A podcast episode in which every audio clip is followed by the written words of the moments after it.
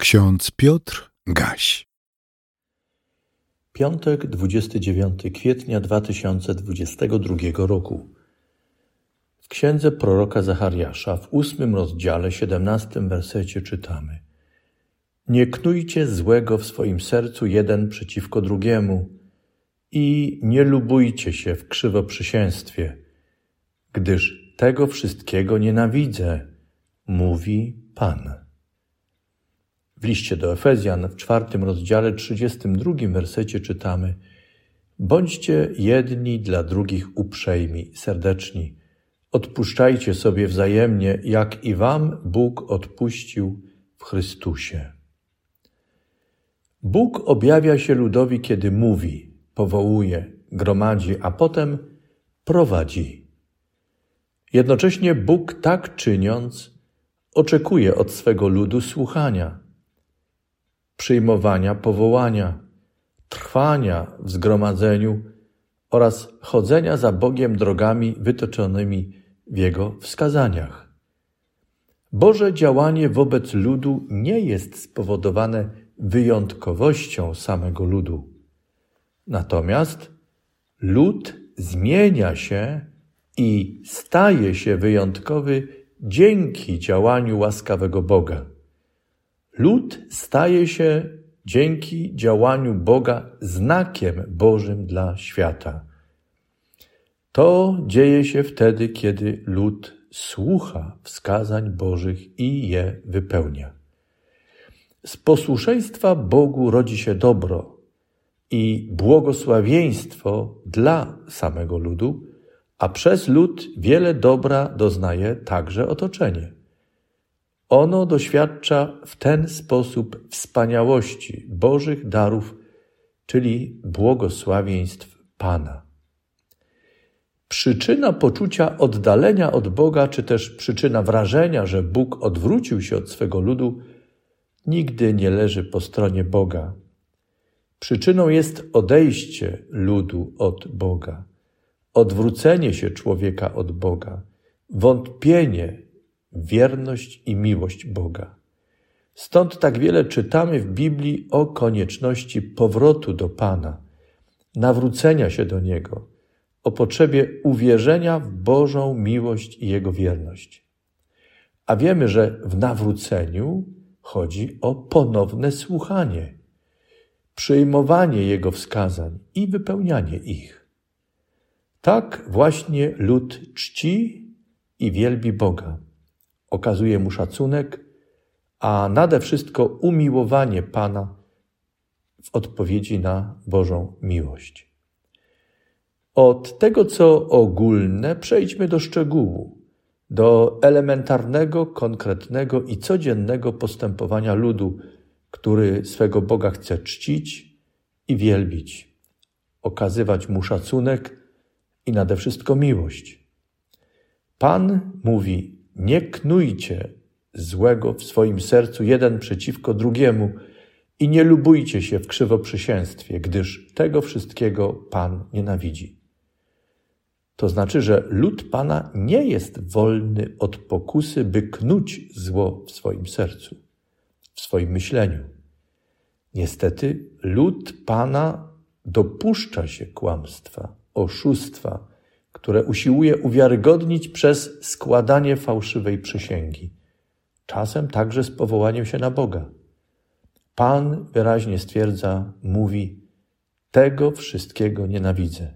Powtórzę: Pan tego wszystkiego nienawidzi.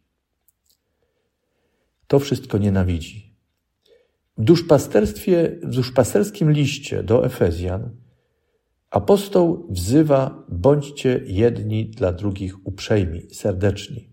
Odpuszczajcie sobie wzajemnie, jak Bóg wam odpuścił w Chrystusie.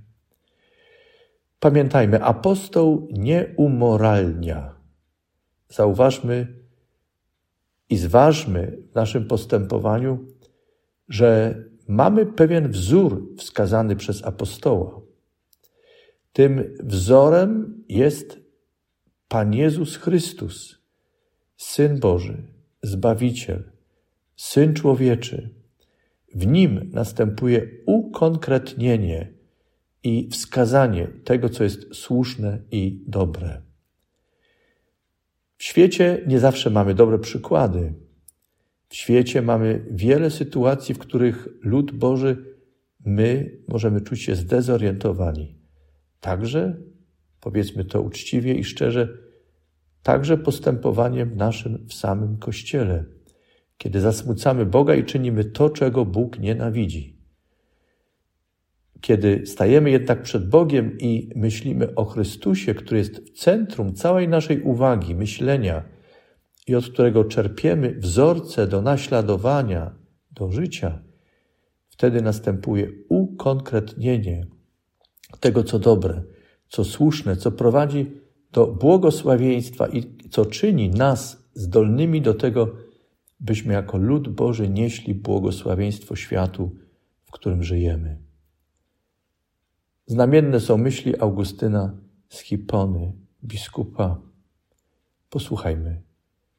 Wyciszać siewców niepokoju, pocieszać bojaźliwych, ująć się za słabymi, przeciwstawiać się wrogom, stronić od osądów, motywować leniwych, powstrzymywać kłócących się, zarozumiałym wskazywać właściwe miejsce, łagodzić spory, pouczyć ignorantów, pomóc biednym, nieść wolność prześladowanym, wspierać dobrych, dać odpór złym, a nade wszystko kochać wszystkich. Jesteśmy, kochani, przed wieloma ważnymi zadaniami, które Bóg nam powierza jako ludowi Bożemu. Powinniśmy zawsze, jako nawróceni i trwający w nawróceniu, pamiętać, że nie jesteśmy wolni od różnych pokus i Bóg nie wybrał nas i powołał i nie posłał nas dlatego, że jesteśmy wyjątkowymi. Stajemy się kimś innym i wyjątkowym, kiedy kochamy Boga nade wszystko, kiedy miłujemy bliźniego jak siebie samego i kiedy w miłości działając czynimy to, o czym nam dzisiaj przypomina także biskup Sipony, Augustyn. Módlmy się.